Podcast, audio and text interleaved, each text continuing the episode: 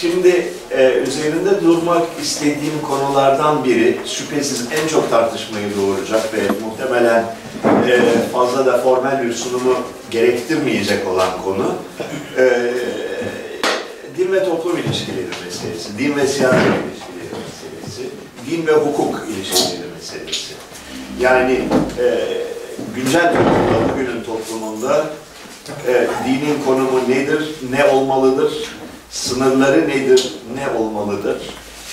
Eğer ki memlekette yeni anayasa yapılacaksa ki böyle bir ihtimal pek gözükmüyor ufukta ama e, yeni anayasada e, dine ilişkin düzenlemeler neler olabilir, nasıl olabilir? Çağdaş dünyada din bir tehlike midir, bir fırsat mıdır, karşı konulamaz bir doğa, doğa gücü müdür, e, nedir? E, çeşitli e, ana akım din dışındaki sosyal varlıkları yani A. inançsızların B. diğer din mensuplarının ve C. ana akım din bünyesinde farklı görüş sahibi olanların e, hakları ve özgürlükleri nelerdir ve bunun sınırları nelerdir? Bu başlıkların başlı başına bir seminer değil, bir ders, bir yaşam, bir kitap, bir şey konusu olduğunu düşünüyorum. Bir e, kariyer konusu adeta olduğunu düşünüyorum. Yani bunlar üzerine sonsuza kadar tartışabiliriz. Üstelik bu konular üzerinde e, Zülkarneyn'den farklı olarak herkesin az çok oluşmuş fikirleri ve söyleyeceği bir şeyler olduğu için belki daha demokratik bir tartışmaya da e, zemin oluşturabilir diye düşünüyorum. E, bu konuda bize e, Sait hocamızın e, sunmak istediği bazı görüşler var. Ben şimdi konuşayı ona vereceğim, kürsüyü Sait'e vereceğim. Sait Çetinoğlu'nu hepiniz zaten tanıyorsunuz. Burada da daha yakından tanıma fırsatını buldunuz.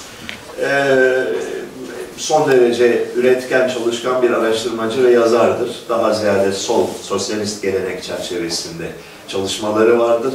Ee, bu 1915 soykırımı ve sonuçları, Türkiye'de azınlıklar vesaire konularında bir hayli çalışmaları vardır. 7 Eylül 1955 size bir şey hatırlatıyor mu? Atatürk'ün şey. Bugün onun işte kaçıncı yıl dönümü ise e, orada hedef alınan, yani hedef alınan grup ayrı bir din grubu. Yani Müslüman olmayanlar e, hedef alınmıştı. Bir toplumsal bir cinnetti. E, olaylar sonucunda resmi rakamlara göre, üçlü gayri resmi rakamlara göre 28 kişi yani şeyin bilançosunu vermek istiyorum. 4214 ev harap edildi. 1004 iş yeri, 73 kilise, sinagog, e, mezarlık, manastır, 26 okul, 5317 fabrika, otel gibi iş yeri, yani üretici iş yeri. şeyleri. Ee, o gün polis diyor ki ben bugün polis değilim. Hiçbir olaya müdahale etmiyor. Ben bugün Müslüman ve Türk'üm diyor. Bilse cinnetin boyutunu söylemek istiyor. Ve bu olayın sonunda yani Hristiyanların artık e, ya da Yahudilerin de bu coğrafyada bir geleceğin kalmadığının son göstergelerinden bir tanesi. Bundan öncesi de var tabii yani.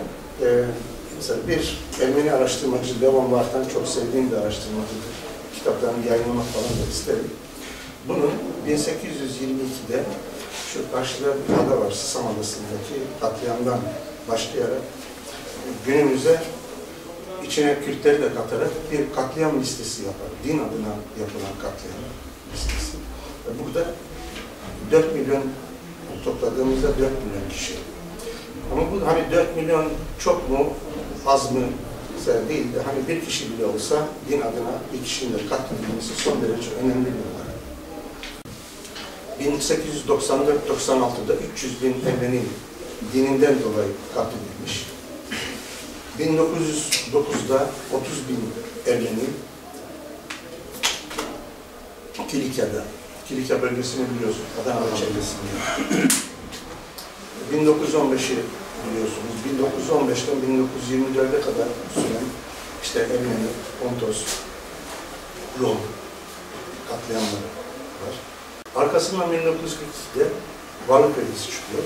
Bu varlık vergisi e, Müslümanların e, varlıklarının yüzde dördü gibi. Yani hesapladığımızda yüzde dört. E, Rumlara hesapladığımızda varlıklarının yüzde yüz otuz yedisi, Yahudiler için yüzde yüz elli dördü, Ermeniler için yüzde iki yüz on yediye denk gelen bir ödenmesi istenen vergiler var. Tabii çoğu kişi ödeyemiyor bunları. Bu ödeyemeyenleri kışın Aşkara'ya gönderiliyorlar. Yazın Sivrihisar'a geliyorlar. Bu 1915'ten hani günümüzde oldukça bir büyük boyutta bir sermaye transferi var. Bu sermaye transferi de yani Türkiye'nin bugünkü sermayenin yüzde 30 ile 35'e denk gelen bir sermaye transferi var. Bu da din adına yapılmış bir şey. Yani dinsel fanatizmi anlatan, yani gözümüze daha kolay görmemizi sağlayan bir şey. Bunlar da bu gayrimüslimlerin ya da Hristiyanların e, kendileri işte 1915'te diyorum e, Ermeniler ölü borcundan çıkarıp bunların malına mülküne işte güzel kızlarına, çocuklarına el konmuştur. Hani bu işin, hani bu soykırımın üç boyutu var benim açımdan. Enval metrüke, evlad metrüke diye söylediğimiz. Dinsel fanatizmin bu coğrafyada yaptığı tahribat son derece önemlidir. Gelişmeyi etkilemiştir, düşün yapımızı etkilemiştir, yani her şeyimizi etkilemiştir. Ayrıca yani bu dinsel fanatizm bugün yani bunu çözemediğimiz, yani 1915'i çözemediğimiz için bugün işte bir Kürt meselesini de çözemiyoruz. Bu e, bir İslamcı politik yükselişin tezahürü olarak mı ortaya çıktı? Yoksa tek tipleştirmeyi, e, her türlü farklılığı e, yok etmeyi esas alan bir bürokratik diktatörlüğün şeyi seçmesi, İslam'ı kimlik olarak seçmesi. Yani herkes hükümet temelinde olsun. Mesela Kürtleri işte bir şekilde bu temelde şey yapıp Türkleştiririz. E, diğer e, Türk olmayanları yine İslam temelinde Türkleştiririz diye düşünme. Yani şunun için söylüyorum. Bir İslam fanatizmi midir? Bunun neticesi midir bu saydığınız şeyler acaba? Yoksa e, e, bürokratik despotizmin Hatta bunu desteklemek için şunu söyleyeceğim. Ee, Bugün Türkiye'de İslami görüş sahipleri e, bana göre inanılmaz bir pişkinlikle şunu söyleyebiliyor. Aksine İslam'dan uzaklaşıldığı için bütün bunlar oldu diyorlar. Hayır öyle bir şey Peygamberimiz zamanında asla böyle bir şey olmazdı. Gerçek insan bu değil, gerçek İslam bu değil.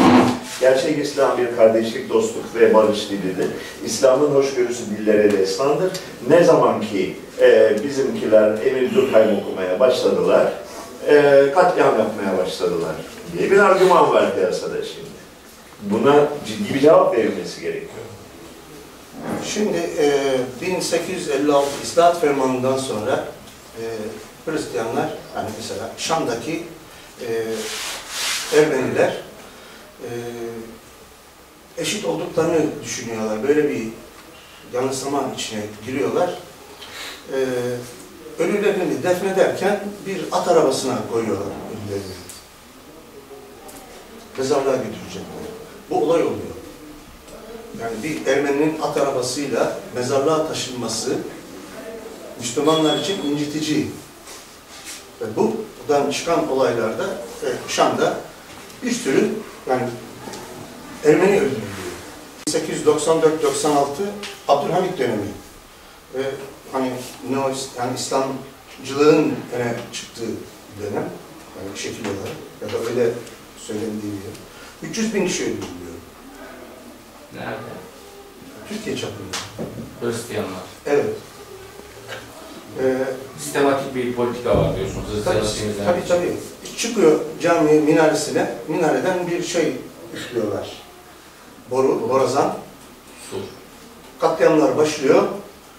Tekrar yine minareden borazan üfleniyor, katliamlar bitiyor. Özellikle de erkek nüfus e, şey alınıyor, 15 yaş üstü erkek nüfus şey yapıyor. Diğerlerinin büyük bölümü işte İslamlaştırılıyor, el konuluyor bunlara. Ee, bir de Enver benim bildiğim kadarıyla beş vakit namazında olan birisi. Yani, ee, bir de ben e, şeyleri, e, bu Enver Türkiye'leri araştırıyorum. 1925 ve 1945 yılları arasındaki bu e, el konan Ermeni mülklerinin ve e, el konan mübadil olmayan Rumların mallarının listesini yaptım. Kim aldı bunları? Eşraf aldı bunları. Bugünkü bu iktidarda olan İslamlar Özal sonrasında bu el konan Ermeni mallarından yastık altındaki o birikimlerin ortaya çıkması. Bunların sermayesinin altını kazıdığın zaman gerek İstanbul sermayesi olsun, gerek Anadolu sermayesi olsun bunların bu 1915'e fiilen iştirak eden kişilerden olduğunu görüyorsun. Bugün hala kullandığı işte e, ta- tarlaydı, çiftlikti vesaireydi. E, bunlar yine bir Ermeni malı. Yayın var mı bunu, bu söylediğiniz tezi detaylı anlatan yani Hmm, isim isim işte bu, yani çok önemli bir tez. Hani tabii şeyi biliyoruz biz, o büyük sermayenin e, arkasında bu katliamların, soygunların olduğunu genel bir bilgi olarak tabii ki biliyoruz ama iki boyutta bir hani bunun somutlanması bir de bugün yeni daha bile şekillenen Anadolu sermayesinin şeyin de altında bunun olduğu tezi çok önemli bir tez. Şimdi Patrick Zaven sürgüne gönderilmiş 1915'te. Bu 1919'da geri geldiğinde Patrick Zaven bir liste yapmış 1919'da.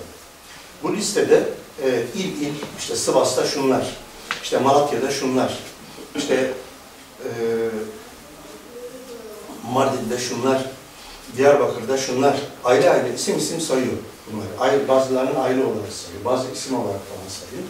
Ben bunları e, Peri yayınlarından çıkan Patrick Zaven'in soykırım listesi ve ekstreminatörler artı Erdemli Müslümanlar diye iki bölümde ayrıca bir kitap yaptım. E, o kitapta onların izini sürerek bugüne getirdim. Yani bulabildiklerimi şey, örtüşüyor. Mustafa Kemal bu Ermeni mallarına ciddi bir şey vardır. Ee, ta- yani talebi vardır. Nerede bir şey varsa, hani Trabzon hariç, e, bütün Atatürk evleri, Atatürk müzeleri yani Ermeni mallar. Trabzon neden hariç? Trabzon Rum'dur. Ankara hükümeti sonrası çıkarılmış bir resmi yazıyla geri kalan yani e, kat, e, soykırımdan kurtulan ya da e, bir şekilde kurtulmuş olabilir, katil geri dönmüş olabilir bilemiyorum. Ermenilere e, ya dininizi değiştirirsiniz ya sizi de derzora ya da gidin derzora diye bir şey yazıldı. Ya bu aslında birebir devam ettirmektir. Yani e, sonuçta e, Yok, din değiştirme yasaklandı. İlk önce şey düşünüldü, milli bir kilise kuruldu. Papa Eftim diye keskinli bir e, rahibe, yani papasa bir kilise kuruldu. Ergenekon'dan, onun kızı bugün Ergenekon'dan şey Sözde Ortodoks Kilisesi Ha, ha, Türk Ortodoks Kilisesi. Onun gerekçesinde şey yazar, milli kilise yazar. Hani kilise, hani çok Saman Hoca'nın şey alanına girmeyeyim, kilise kimin adına kurulur? Yani Cumhuriyet adına kurulmaz. Yani, o şey başkadır. Yani böyle bir e, şey var. E, ama sonrasında bu ayrıştırılıyor ve din değiştirmek yasaklanıyor. Hangi tarihten söz ediyoruz? 1920. Ha. Yani ilk yapılan şeylerden biri bu. İlk yapılan şeylerden biri Ermenilerin dolaşımının yasaklanması. Yani çünkü balığın başına gidemezsin. şehir dışına çıkamıyor. Ha, şey yok, hiçbir yere gidemiyor. Yani dolaşım tamamen yasaklanıyor. İkinci kararnamede bu e, Mayıs ayında olan şey. Haziran ayında bu tüm diğer e, bu sefer kaçık tane Rumlar da var, Süryaniler de var. Bunlar da geri dönmek, malların başında olmak istiyorlar. Bu sefer bu tüm Hristiyanlara teşmil ediliyor. O arada e, işte Müslümanlığa geçmek isteyenler oluyor. Bu Müslümanlığa geçmek isteyenleri yasaklanıyor. Sadece e, esir aldıkları işte Fransız ordusundan işte Senegalli ya da işte İngiliz ordusundaki işte e, Hindistanlı birilerinin onların Müslümanlığa geçmeleri ya da bazen Rum, yani Yunan ordusundakilerin e, çok titiz araştırılarak hani doğruluğu şey yapar, onlara izin veriliyor. Diğerlerinin e, din değiştirmeleri yasaklanıyor. Yani bununla ilgili şeyler var, kararnameler var. Yani dinsel fanatizm son derece önemli ve bu İslam'a içkin bir şeydir. Yani e, kutuplaştırıcıdır, e, vergiye dayanır. Yani vergi derken hani gaspa dayanır. E, o az önce sözünü ettiğim Levon Vartan, İslam coğrafyasında e, ki Hristiyanlara uygulanan yüzü yakın vergi sayar. Rahip Boğaz Natanya'nın saydığı vergi 30 küsürdür. Hristiyanlara özellikle yani Ermeniler uygulanan vergi. İstanbul'daki Rumlarla Batı Trakya'daki Müslümanlar e, mübadeleden istisna edilmiş. E, İstanbul'da hani tek tek sayabileceğimiz hani Rum nüfus kalmıştır. Ama Batı Trakya'da neredeyse bir çoğunluk var. Gökçeada, Bozcaada da biliyorsunuz Ha mesela orada da istisna edilmişti. Hani var mı şimdi? Kimse yok. 100 kişi, 200 kişi. Ha, yani kimse, yaşlı bir nüfus var. Yani onlar öldükten sonra e, kimse kalmayacak. Şimdi iki soru var burada. Fanatizm, yani Türkiye'de bir katliam, korkunç bir şeyler olduğu belli. Bir takım bir dinsel fanatizm diye bir şeyin de mevcut olduğu da belli. Bu değil mesele. Ee, bir, bu fanatizmin temeli dinsel midir, İslami midir? Yani dinlere özgü bir şey midir fanatizm? Yoksa İslam dininin özellikle bir fanatik boyutu var mıdır sorusunu sormak lazım. Nihayet üçüncüsü, e, yani sonuç olarak e, 20. yüzyılın en büyük bildiğimiz fanatizm örneği Hitler ise eğer, bunu da açıklamak zorundayız. E, eğer Stalin varsa, e, bunu da açıklamak zorundayız. E, Ruanda ve Burundi'deki e, katliamlar yapılmışsa dini bir temelde mi yapılmış ve Müslümanlar mı yapmış acaba diye sormamız gerekiyor. Yani e, Türkiye'de İslami bir kisveye bürünmüş olan hareketin e, asli şeyi nedir? Yani genel e, çerçevesi nedir sorusunu sormamız gerekiyor. Diğer şu argüman var karşımızda. ısrarla ve muhtemelen bir doğruluk payı içeren bir argüman var. İşte efendim asr-ı saadette Müslümanlar çok çok hoşgörülüydü. Sonradan bak Avrupa girdi işin içine. O yüzden bozuldu Müslümanlar. Yani bu saydığımız 1822'den bu yana Müslümanların yaptığı katliamlarda en azından Türkiye'deki devlet Müslümanların yaptığı katliamlarda e, sanki fes giyen ve e, Avrupa'yı tarzda giyinen insanlar rol oynamış. Acaba Avrupa'dan bir mikrop bulaştığı için bir şey olmuşlar, fanatik olmuşlar buna? Bu soruları sormadan ve bu soruları cevaplandırmadan çok zayıf kalır argümanımız. Ben bu soruların cevaplandırılabileceği kanısındayım. Yani e, sağlam cevaplar verebilirim bu sorulara ama e, bu sorularla yüzleşmeden bir yere varamayız. Yani eskiden Müslümanlar fanatik değildi, sonradan oldular. Ne yapalım? Zaten Avrupa'nın emperyalizmine cevaben ve Avrupalıların yaptığı korkunç haksızlıklara ve sömürüye ve utanmazlıklara cevaben yaptılar. Yani bunları affetmeniz lazım. Baksana İslam'da da kelle kesiyorlar ama zavallı garibanlar, onlar mağdur, Amerikalılar saldırgan. Yani bu argüman çok kuvvetli, çok yaygın bir argümandır ve bu ülke halkının ezici çoğunluğu tarafından benimsenen bir argümandır. Müslümanlar adam keserse elbette bir sebepleri vardır. Sebepsiz yere kesmezler ki bunlar. Sorusunu e, cevaplandırmamız gerekiyor. Bir yandan gayet soğukkanlı bir şekilde sürdürülmüş bir devlet politikası var ortada. Gayet tutarlı, soğukkanlı, sistemli ve acımasızca sürdürülmüş. Tekrar ve tekrar ve tekrar ve tekrar her bir kararnameyle, her bir e, katliamla, her bir şeyle yapılmış bir e, devlet politikası var. Bunun duygusal bir politika olduğunu zannetmiyorum.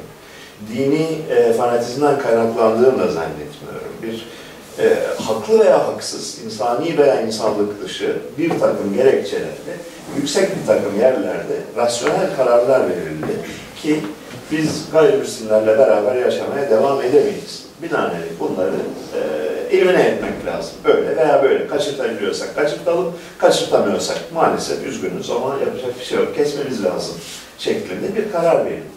Diğer yandan buna katılan ve bundan nemalanan zümrelerin e, tamamen İslami bir söylem üzerinden ve bir İslami asabiyet üzerinden davrandıkları da apaçık ortada. Yani e, 6-7 Eylül kararını verenlerle 6-7 Eylül'ü uygulayanlar aynı motorla çalışmıyorlardı. Ayrı ayrı mekanizmalarla çalışıyorlardı. Bu ayrımı yapmamız gerekiyor.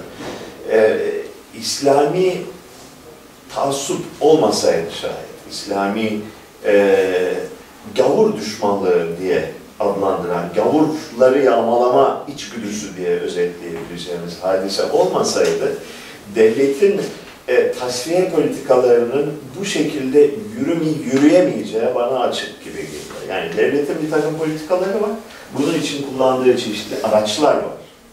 E, vergilendirme, sürme, e, korkutma, yasal haklarını gasp etme vesaire vesaire bir dizi politika var.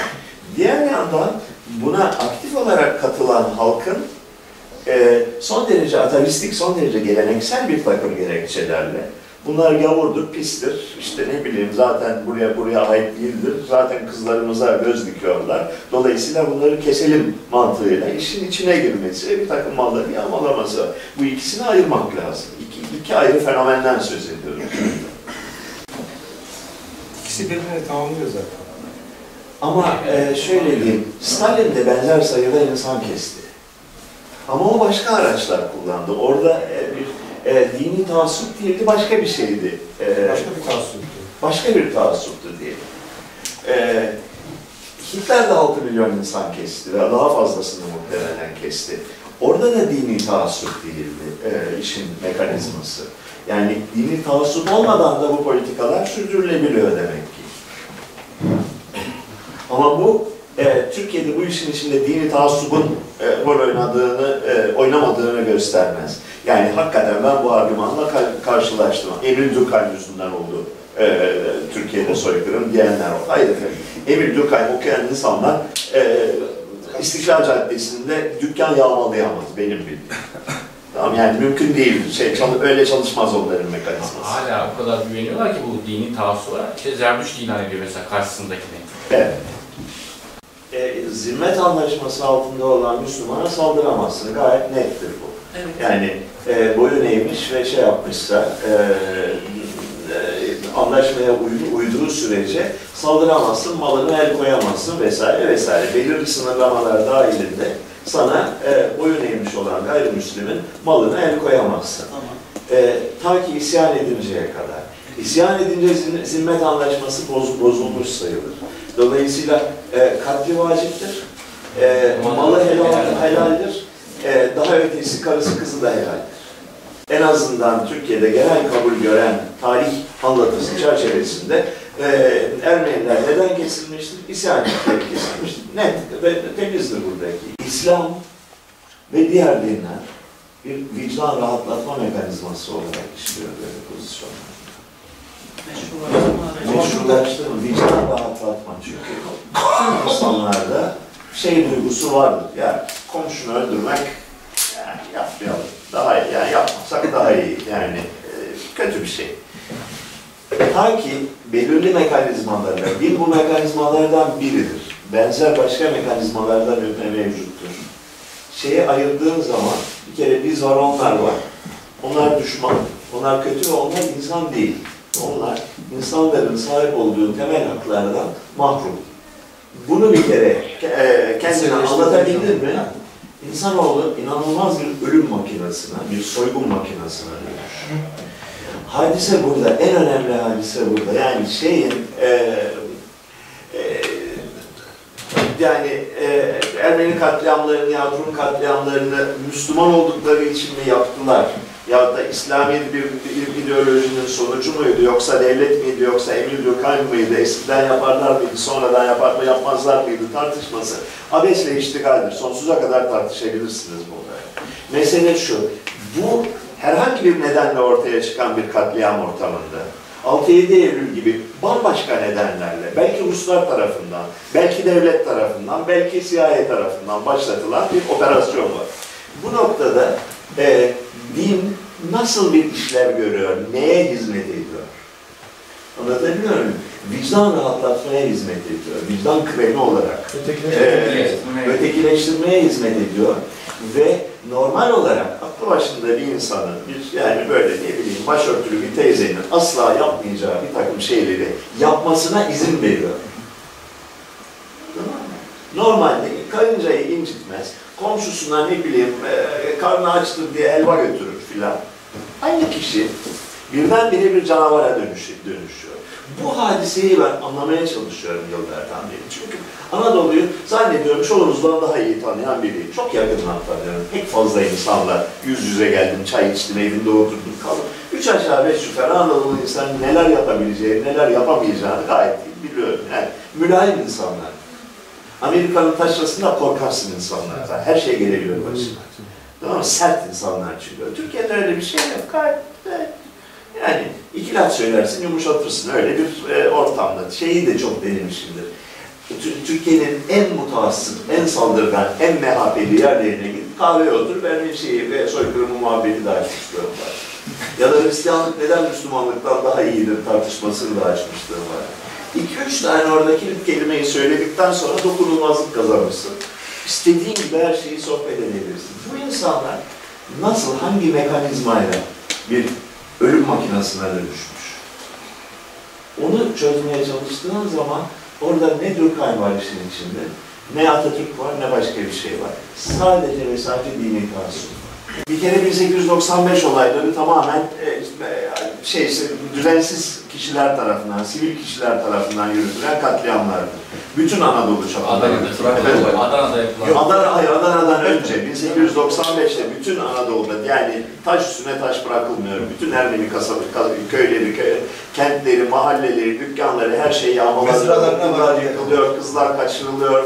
Yani inanılmaz bir kan dökülüyor. Korkunç bir şeydir dönemde. E bunun peşinden Adana olayları, peşinden 1915'te devlet organize etse dahi bu kadar büyük çaplı bir organizasyonda yukarıdaki kararın aşağıya kadar iletilmesi bir mekanizma istiyor. Orada bir yağlı bir şey olması lazım. İyi işleyen bir e, kanal olması lazım. O kanalın adı İslam'dır.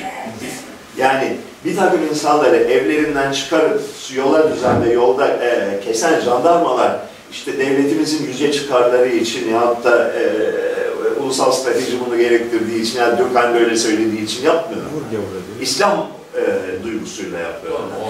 Ee, 1919'da mahkeme kurulduğunda e, şeylerin buna karşı İstanbul sokaklarında ayaklanan hamallar e, devlet ya da millet için ayaklanmıyorlar, din için ayaklanıyorlar. Yani e, e, Boğazlayan kaymakamının heykelini dikelim diyen insanlar dini bir dayanışma duygusuyla bu işi yapıyorlar. Yani bu konuda hiç kuşkum yok. E,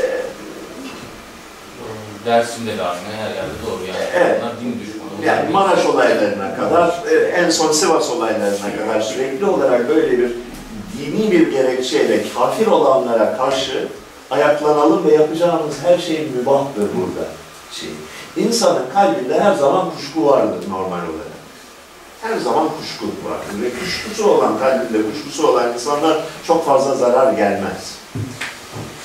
Tamam mı? Yani tamam diyorlar ki bunlar yavru olmuşlar ama "Ay, ay, işte tanıdığımız insanlardır. Belki de yanlıştır. Yani ben karışmayayım bu işe. E, duygusu daha kuvvetli, daha doğal insan tepkisi budur. Bunun aşılabilmesinin mekanizması yani e, insanların tüm ahlaki yargılarını paranteze alarak daha yüksek bir ahlak adına e, birdenbire her türlü alçaklığı mübah görmeleri başka bir hadise. Onu onu çözmeye çalışıyoruz. Fransa ihtilalinde de çok sayı yani ciddi katliamlar oldu, köylü katliamları oldu. e, Vandya ayaklanması karşısında devlet tarafından organize edilen anti-dinci çeteler tarafından milyon binlerce insan öldürüldü. Dindarlar öldürüldü. Papazlar öldürüldü bütün şey çapında, Fransa çapında. Yani insanlar çeşitli gerekçelerle canavarlaşıldı. Yalnız Türkiye'de e, gözlemlediğimiz bir hadise var. şaşmaz bir düzenlilikle insanların ca- canavarlaştırılmasındaki en e, tipik aktör, sürekli or karşımıza çıkan aktör, dini taassup olarak görülür. Hiçbir katliama e, tüm halk katılmaz.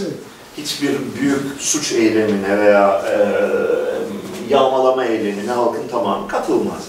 Yalnız e, Türkiye örneğine yine döndüğümüzde şu mekanizmanın şaşmaz bir dakiklikle işlediğini görüyoruz. Kitlenin büyük çoğunluğu kendini Müslümanlardan yana gördüğü için onların yaptığı işlediği suçları eee mazur görüyor, makul buluyor ve bir süre sonra vicdanında çok kolay bir şekilde aklıyor. Yani eee, şu ana kadar süren şey, söylem budur. Yani tamam bir takım insanlar eee tehcir etmiş, kesmiş, meçmiş. Yani yapmasalar da daha iyi olurdu şüphesiz ama haklıydılar. Tamam mı? Ama haklıydılar. Çünkü neden bizdendiler? Çünkü din savaşı veriyorlardı. Dindir oradaki belirleyici unsur. Çünkü devletin bekası söz konusu. Bir de o faktör var. Yani Ve o devlet dinin devletidir. Bütün bu şey argümanına gelecek olursak, e, yani İslam eskiden bir e, hoşgörü abidesiydi, sonradan bozuldu argümanına gelecek olursak, e, ayıptır söylemesi bir doğruluk payı var. E, hayır, İslam'ın bir hoşgörü dini olduğunu zannetmiyorum, düşünmüyorum. Hiçbir tarihte de olduğunu düşünmüyorum. Yani Kur'an'ı aç, herhangi bir cümlesini oku yeter. Orada hoşgörünün izine bile rastlamazsın. Ee, İslam yükselme döneminde ve parlak döneminde bariz bir şekilde bir ekonomik sömürü diniydi. Yani İslam'ın temel kurumu cizyeydi. İslam bu nedenle e, her zaman için gayrimüslimlerin nüfusun en az yarısını oluşturduğu ülkelerde parlak çağını yaşadı. Benzeri yoktur. Başka hiçbir şeyde e, emperyal düzende bunun bu hadisenin bir benzerini göremezsin. Yani bir imparatorluk kendi ideolojisini, kendi inancını, sistemini tüm halkına empoze etmeye çalışır bir şekilde, kucaklamaya çalışır. Oysa ki İslami imparatorlukta bu hadiseyi görmezsin. İslami imparatorlukta e, millete hakime ya azınlıktır ya da küçük bir çoğunluktur. Bir diğer unsur vardır. Bu diğer unsur ise senin en değerli varlığındır. Yani sermayen o senin. Ee, yani başlıca gelir kaynağın. Bunlara karşı ne hoşgörülü olmayacaksın da ne yapacaksın yani? Ee, insan kendi malına zarar verir mi? Vermez. Ee, ne zaman ki bu mekanizma e, şey oldu, kadük oldu, bu mekanizma işlemez oldu 19. yüzyıla gelindiğinde. Yani dış talan ortadan kalkınca, Efendim? dış talan ortadan kalkınca, Önce dış talan ortadan kalktı. İkinci olarak iç talan da ortadan kalkmak zorunda kaldı. Bak, e, cizye kaldırıldı. E, yani Hristiyanlar alabileceği e, ekstra vergi sistemi tanzimatla birlikte Yani darmadağın Batılılardan gelen mikrop bu yani. Efendim? Batılılardan gelen mikrop bu yani. Batılılardan gelen esas mikrop bu. Şimdi malı işletemiyorsun. Gelir elde edemiyorsun. Ne yapacaksın? Azaltacaksın. Efendim? Azaltacaksın. Hayır, artık yumurtlamayan tavuğu keser. Yumurtlamayacak tavuğu keseceksin. Başka çaresi yok yani en azından etinden faydalanırsın yani. Ee, Kümesinde başka Yani- bir şey. Başka bir şey. rant elde edemiyorsan sermayeyi yersin. Şeyi yani Atatürk evleri bu şekilde kısaca özetlenebilir. Sermayeyi yemek olarak anlat, adlandırılabilir. Anlatabiliyor muyum? Ee, derdimi. Dolayısıyla gayet mantıki, gayet rasyonel, gayet yani öyle olması gerekiyordu. Başka türlü de kolay kolay olmazdı. Yani sonuç olarak 18. yüzyıla kadar, 19. yüzyıla kadar gayrimüslimler e, tüm İslam ülkelerinde nüfusun yarısı falan gibi bir nüfus, yüzde 40'ı, yüzde 60'ı gibi rakamları temsil etmişler. Sonra birdenbire 19. ve 20. yüzyılda pat diye sıfıra düşüyor. Türkiye'de sıfır, Mısır'da yüzde 10, Suriye'de yüzde 7, e, işte Irak'ta yüzde 4 filan gibi rakamlara geliyor. Şeyde e, İran'da yüzde iki buçuk gibi rakamlara düşüyor. Birdenbire bir düşüş var. Senin modernizasyonunla birlikte daha özgür, daha hakmak böyle tanzimatlar ilan etmişsin, meclisler kurmuşsun, demokrasi getirmeye kalkışmışsın. Sonuç, aa gayrimüslim kalmamış. Bu enteresan değil mi? Şaşılacak bir fenomen var ortada. Onu, Napolyon harplerine gelinceye kadar tüm bu ülkelerde yaklaşık yüzde 50'yi temsil eden e, e, Hristiyanlar son 200 yıl içinde yok olmuş. Bu 200 yıl hani böyle fanatizmin arttığı, yahut da zorbalığın büyüdüğü, yahut da ne bileyim Müslümanların çok güçlenip de ortalığı kasıp kavurduğu bir dönem değil, tam tersine. Burada bir açıklanması gereken bir acayiplik var. Ne, olmuş bu hadise? Ee, cevap bana çok basit gibi geliyor.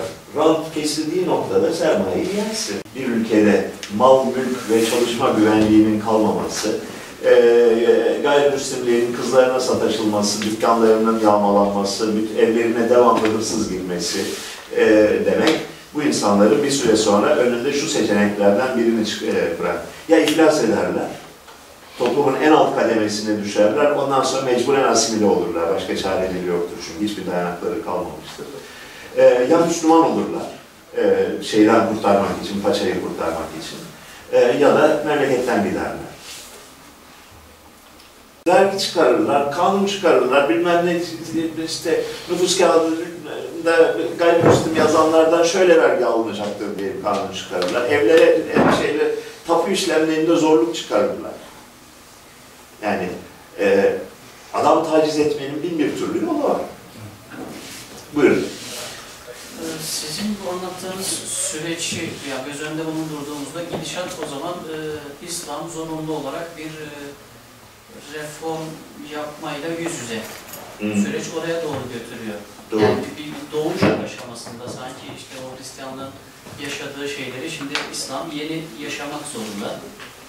Ee, onun sancıları mı şu anda yaşadığımız şeyler? Böyle tanrısal bir bakış açısından bakarsan yani kendini içinde yaşadığın toplumdan böyle bir yukarı çıkarıp ta yukarıdan bakıp 2500 yılından geriye baktığın zaman e, öyle görünüyor. Yani Müslümanlığın sosyal altyapısı, 1400 seneden beri işleyen sosyal altyapısı son 100 yıl içinde çöktü. Kalmadı. Tekileştirecek adam kalmadı. Ee, aynen öyle yani. Şey, iş, iş- işletme dağıldı. Şimdi Müslümanlık ya ortadan kalkacak. Ki o öyle olmaz yani tarihte hiç bunun benzeri yoktur böyle bir şey. Ya da e, durumdan vazife çıkaracak. Duruma adapte olacak bir şekilde yeni bir varlık nedeni keşfedecek kendisi. Bu varlık nedeni şu anda cazip, şu anda anket yapılsa, şu anki varlık nedeni eski içgüdülerin yeni e, şeyi, e, kisvesi anti-emperyalizmdir. Yani e, içteki dengeler değişti, bozuldu. Şimdi dünyanın proletaryası olarak biz emperyalizmin her türlü çabasına karşı e, El-Kaide kurarız, savaş ederiz, cihat ederiz, e, gidip Almanya'nın ve Fransa'nın şehirlerini ele geçiririz ve onları boğarız kendi kanlarında diye bir ve bunda, bunda son derece kuvvetli bir ahlaki altyapısı var. Biz mazlumuz, onlar güçlü, onlar zalim. Dolayısıyla haktır onlara karşı mücadele etmek. Onların şehirlerinde bomba patlatmak, onların kadınlarına kötü gözle bakmak, onların düşünürlerinin evini yok saymak, onların e, şeylerini, sanayi ürünlerini kopyalamak haktır bize. Çünkü biz mazlumuz, onlar zalim. Proleter ulus diye Evet, proleter uluslarız. Bu anlayış şu anda son derece güçlü bir şekilde Müslümanlığın yeni sloganı, Müslümanlığın yeni e, varoluş nedeni gibi adeta ortaya çıkmış görünüyor. Bu da çok kaygı verici bir geliştir benim. Yani bu yüzden şu anda dünya medeniyeti için bir tehlike olarak algılanmaya başladı birçok kişi tarafından e, Müslümanlık. Hakikaten İslam'a baktığınız vakit tamam şiddet bulmak çok kolay, faşizm bulmak çok kolay. Her bu bütün pislikleri bulmak hakikaten çok kolay. Ama ne bileyim biri kalkıp bana ben Taoizm adına bütün Budistleri yakmak istediği istiyorum dediği zaman ben bunu Taoist scriptle açıklayamam. Birçok kişinin açıklayabileceğini pek, pek düşünmüyorum açıkçası. Elbette din adına yapabilirsin, bu sorun değil. Aşk adına yapabilirsin. Ama bu senin ya aşkın ya da Daoizmin falan şiddetperver bir duygu ya da duygulanım ya da bir aa, sosyal yapı olduğunu anlamına gelmez bence. İslam örneğine çok takılmamayı önereceğim çünkü hakikaten İslam örneği, örneği çok kolay bu soruyu yapmak için. Budizm kadar e, şey e, pasifik bir din mevcut değildir. Tüm öğretisi bu dünyadaki çatışmanın anlamsız ve böyle gereksiz olduğu fikri üzerine dayalı bir şeydir. E, ben Sri Lanka'da bayağı yakından tanık oldum. Sri Lanka'da din bazında şeyler, e, Budistler e, Hindu ta- olan Tamilleri kestiler bayağı. E, ve aynı şekilde şimdi Burma'da da öyle oluyor diyorlar. Şey ve Budistler Müslümanlara karşı bir katliam çabası içindeler. Kimlik tehlikeli bir şey galiba.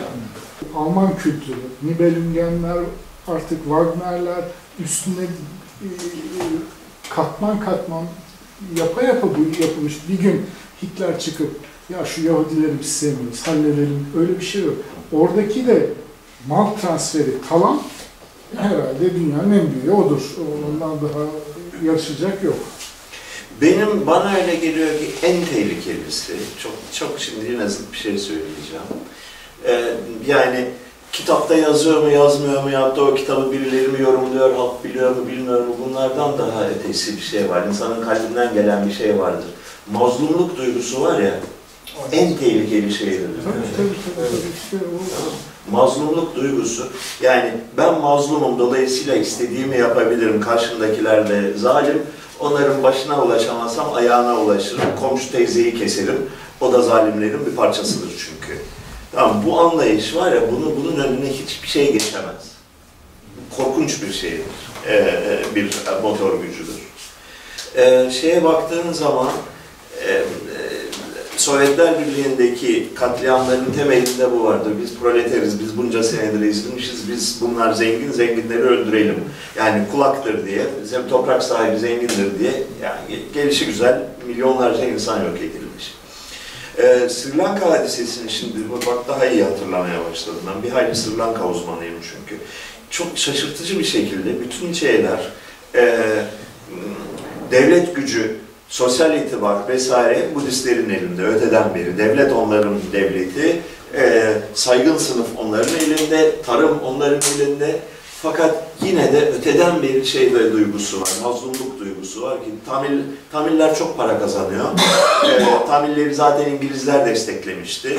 Zaten emperyalistlerin işbirlikçisidir Tamiller. Onları, o yüzden onları kesmek lazım. Aynen. Zaten geldiler bizim topraklarımızı aldılar. Bu kadar. Dolayısıyla İslam dininin son zamanlarda kazandığı yeni kimlik, mağduriyet kimliği. Tarih boyunca İslam kadar aristokrat tavırlı başka bir din yoktur. Her zaman için üst sınıf dini olmuştur. Tarihte İslam'ın söyleminde mağduriyet söylemi yoktur.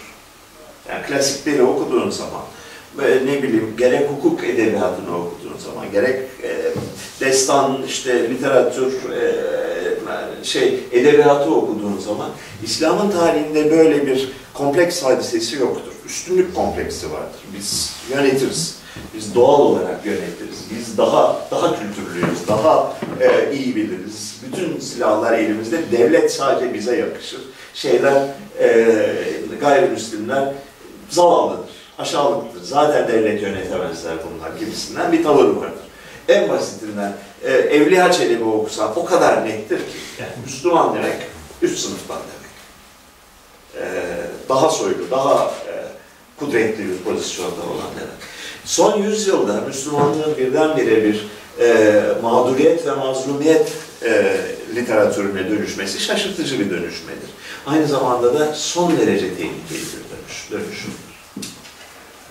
Herhangi bir başka faktörden daha çok mazlum ve mağdur edebiyatı insanları zalim kılar. Hakikaten güncel ahlaki tartışmaların en önemlilerinden birine geliyoruz burada. Ee, Türkiye'de çok kolay bir şekilde e, madem mazlum demek haklı e, şeyini, denklemini kurma eğilimi vardır. Sürekli olarak Türkiye'deki kültür, gerek İslami kültür, gerek sosyalist kültür, gerek Alevi kültür, gerek Kürdi kültür hep bu denklemi destekler. Yani bir, birisi mazlumsa demek ki o affedilmelidir. E, demek ki haklıdır. Hatta feminist kültür de aynen bunu söyler. E, kadınlar mazlumdur demek ki haklıdır gibi bir e, denklem kurar. Ben bunun çok tehlikeli bir denklem olduğunu, çok yanlış bir denklem olduğunu, beni çok rahatsız eden bir denklem olduğunu söylüyorum. Sürekli olarak pek çok yaptığım şeyde bugüne kadar bu tema çok hayati, merkezi konumda olan bir şeydir.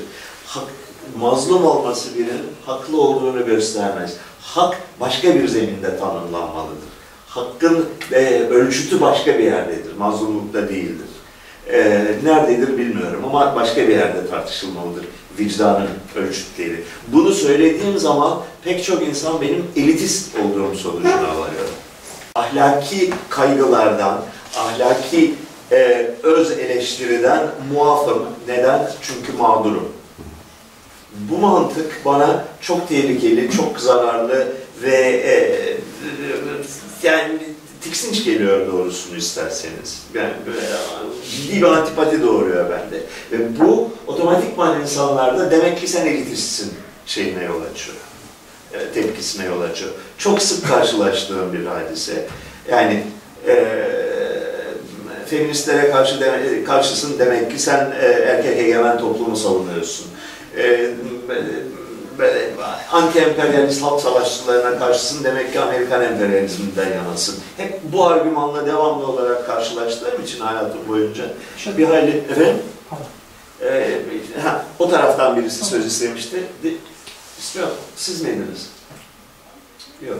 Peki pardon. Senle çıkarlarımız farklı, senle kavga ediyoruz ama galiba sen haklısın diyebilen ya da e, birisine başvuralım hangimizin haklı olacağını e, söylesin diyebilen yegane mahluktur insan. Her halükarda insanda şu varsayım e, temel bir varsayımdır. Bir şeyin hakikisi vardır.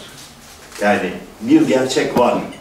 E, ve bir doğru var. Etik anlamda bir doğru var. Bunu biliyorum, bilmiyorum, senin söylediğin yanlış, benim söylediğim yanlış bunların hepsi eyvallah. Fakat şu varsayım her türlü tartışmamızın, her türlü kavgamızın ve her türlü iktidar savaşımızın temelinde yatar ki bir gerçek var. Bu varsayım olmadan e, davranamayız yani şey olur. E, bu varsayıma sahip olmayan insanlar misbit sayılır, hasta sayılır veya kriminal sayılır, kapatılır.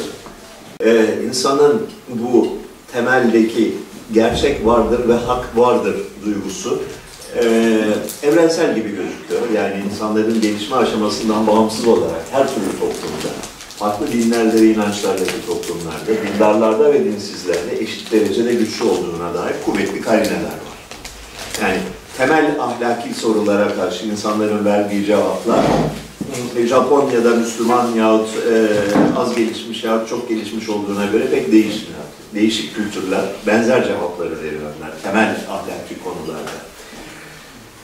E, bu durumda dinlerin rolü nedir? Yani ahlakla ilgisi nedir? Veya gerçek duygusuyla ilişkisi nedir?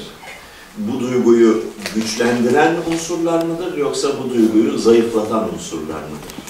Dindar olmayan insanlar e, en azından en azından dindarlar kadar e, ahlak bazında ve hakikat duygusu bazında işler yapıyorlar. Bu, bu apaçık.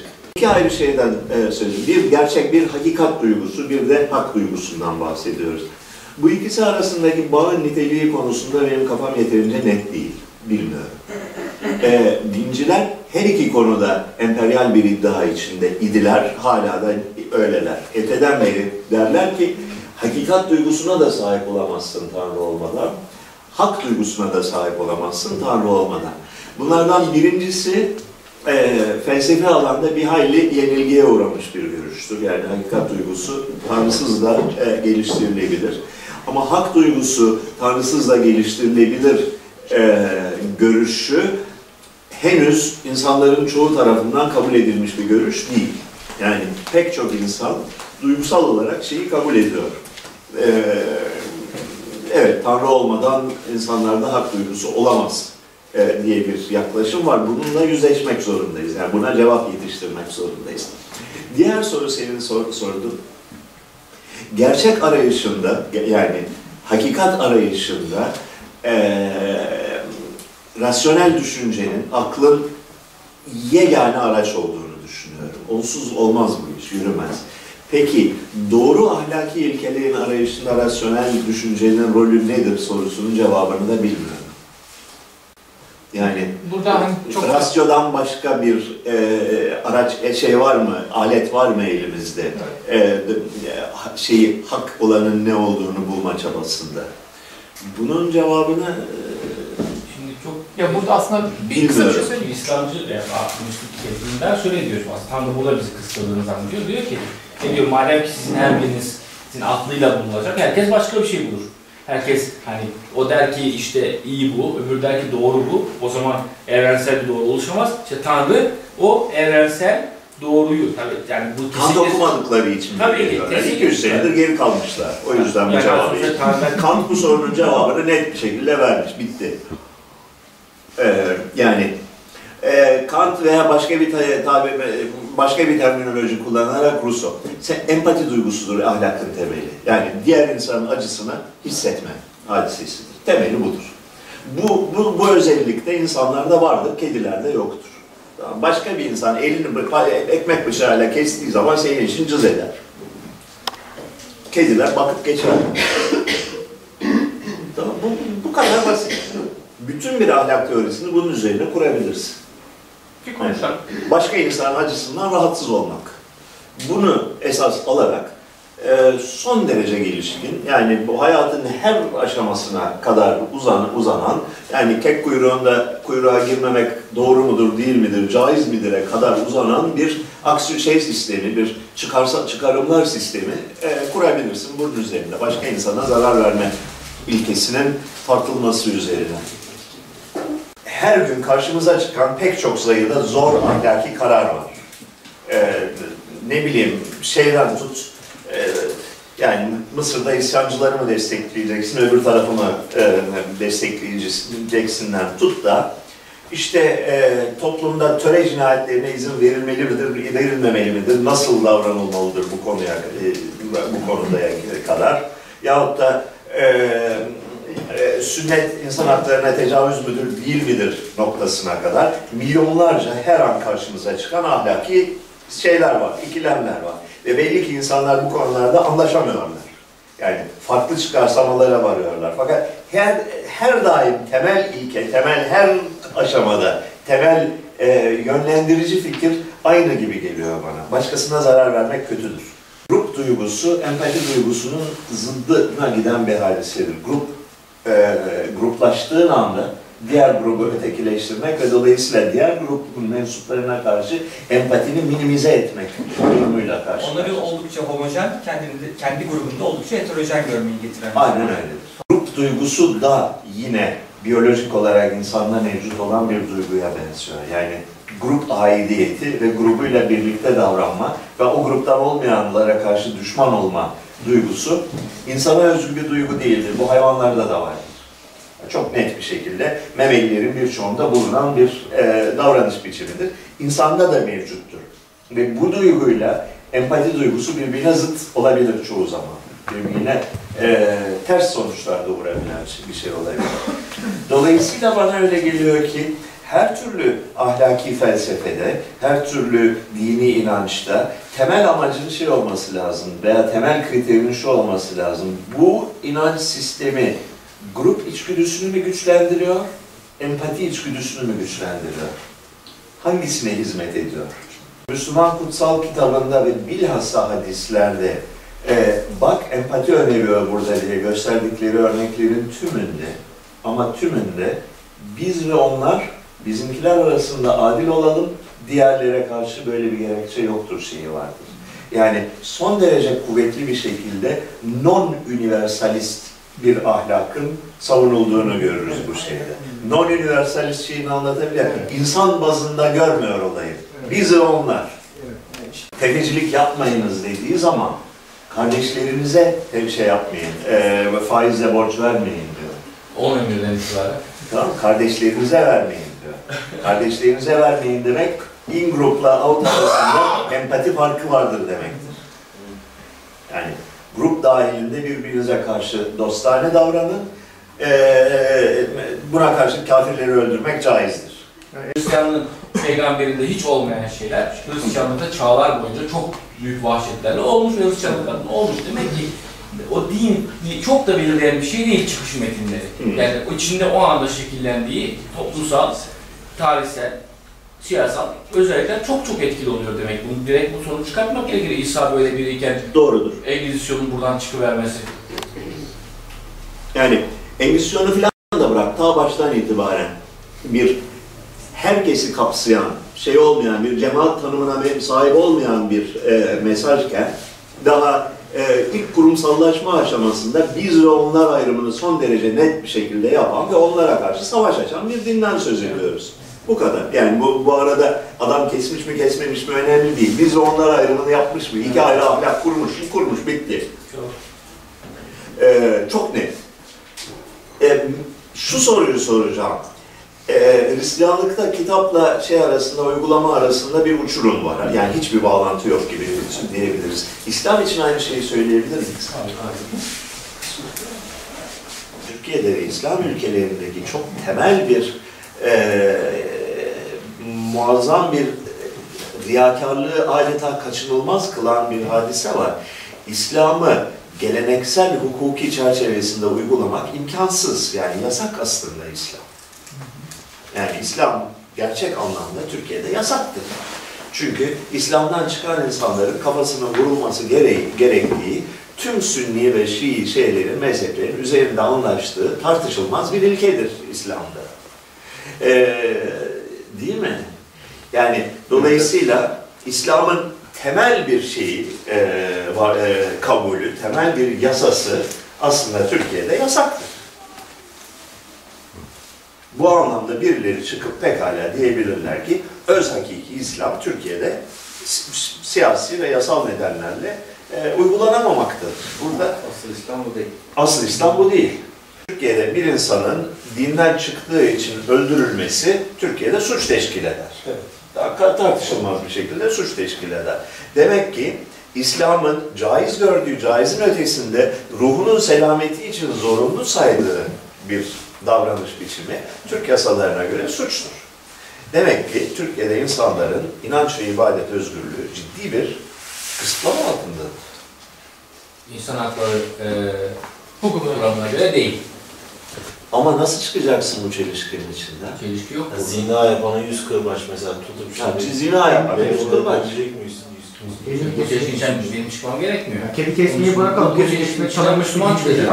Şöyle- İki ayrı e, e, inanç sistemi var ortada. Bir e, laik hukuk sistemi, Hukuk sistemi. diğer yanda ise e, dini hukuk sistemi olmak üzere. Ve bu ikisi arasında bir uzlaşma söz konusu değildir. Bir yani bir savaştır bu. Uzlaşma E, taviz taviz söz konusu olabilir.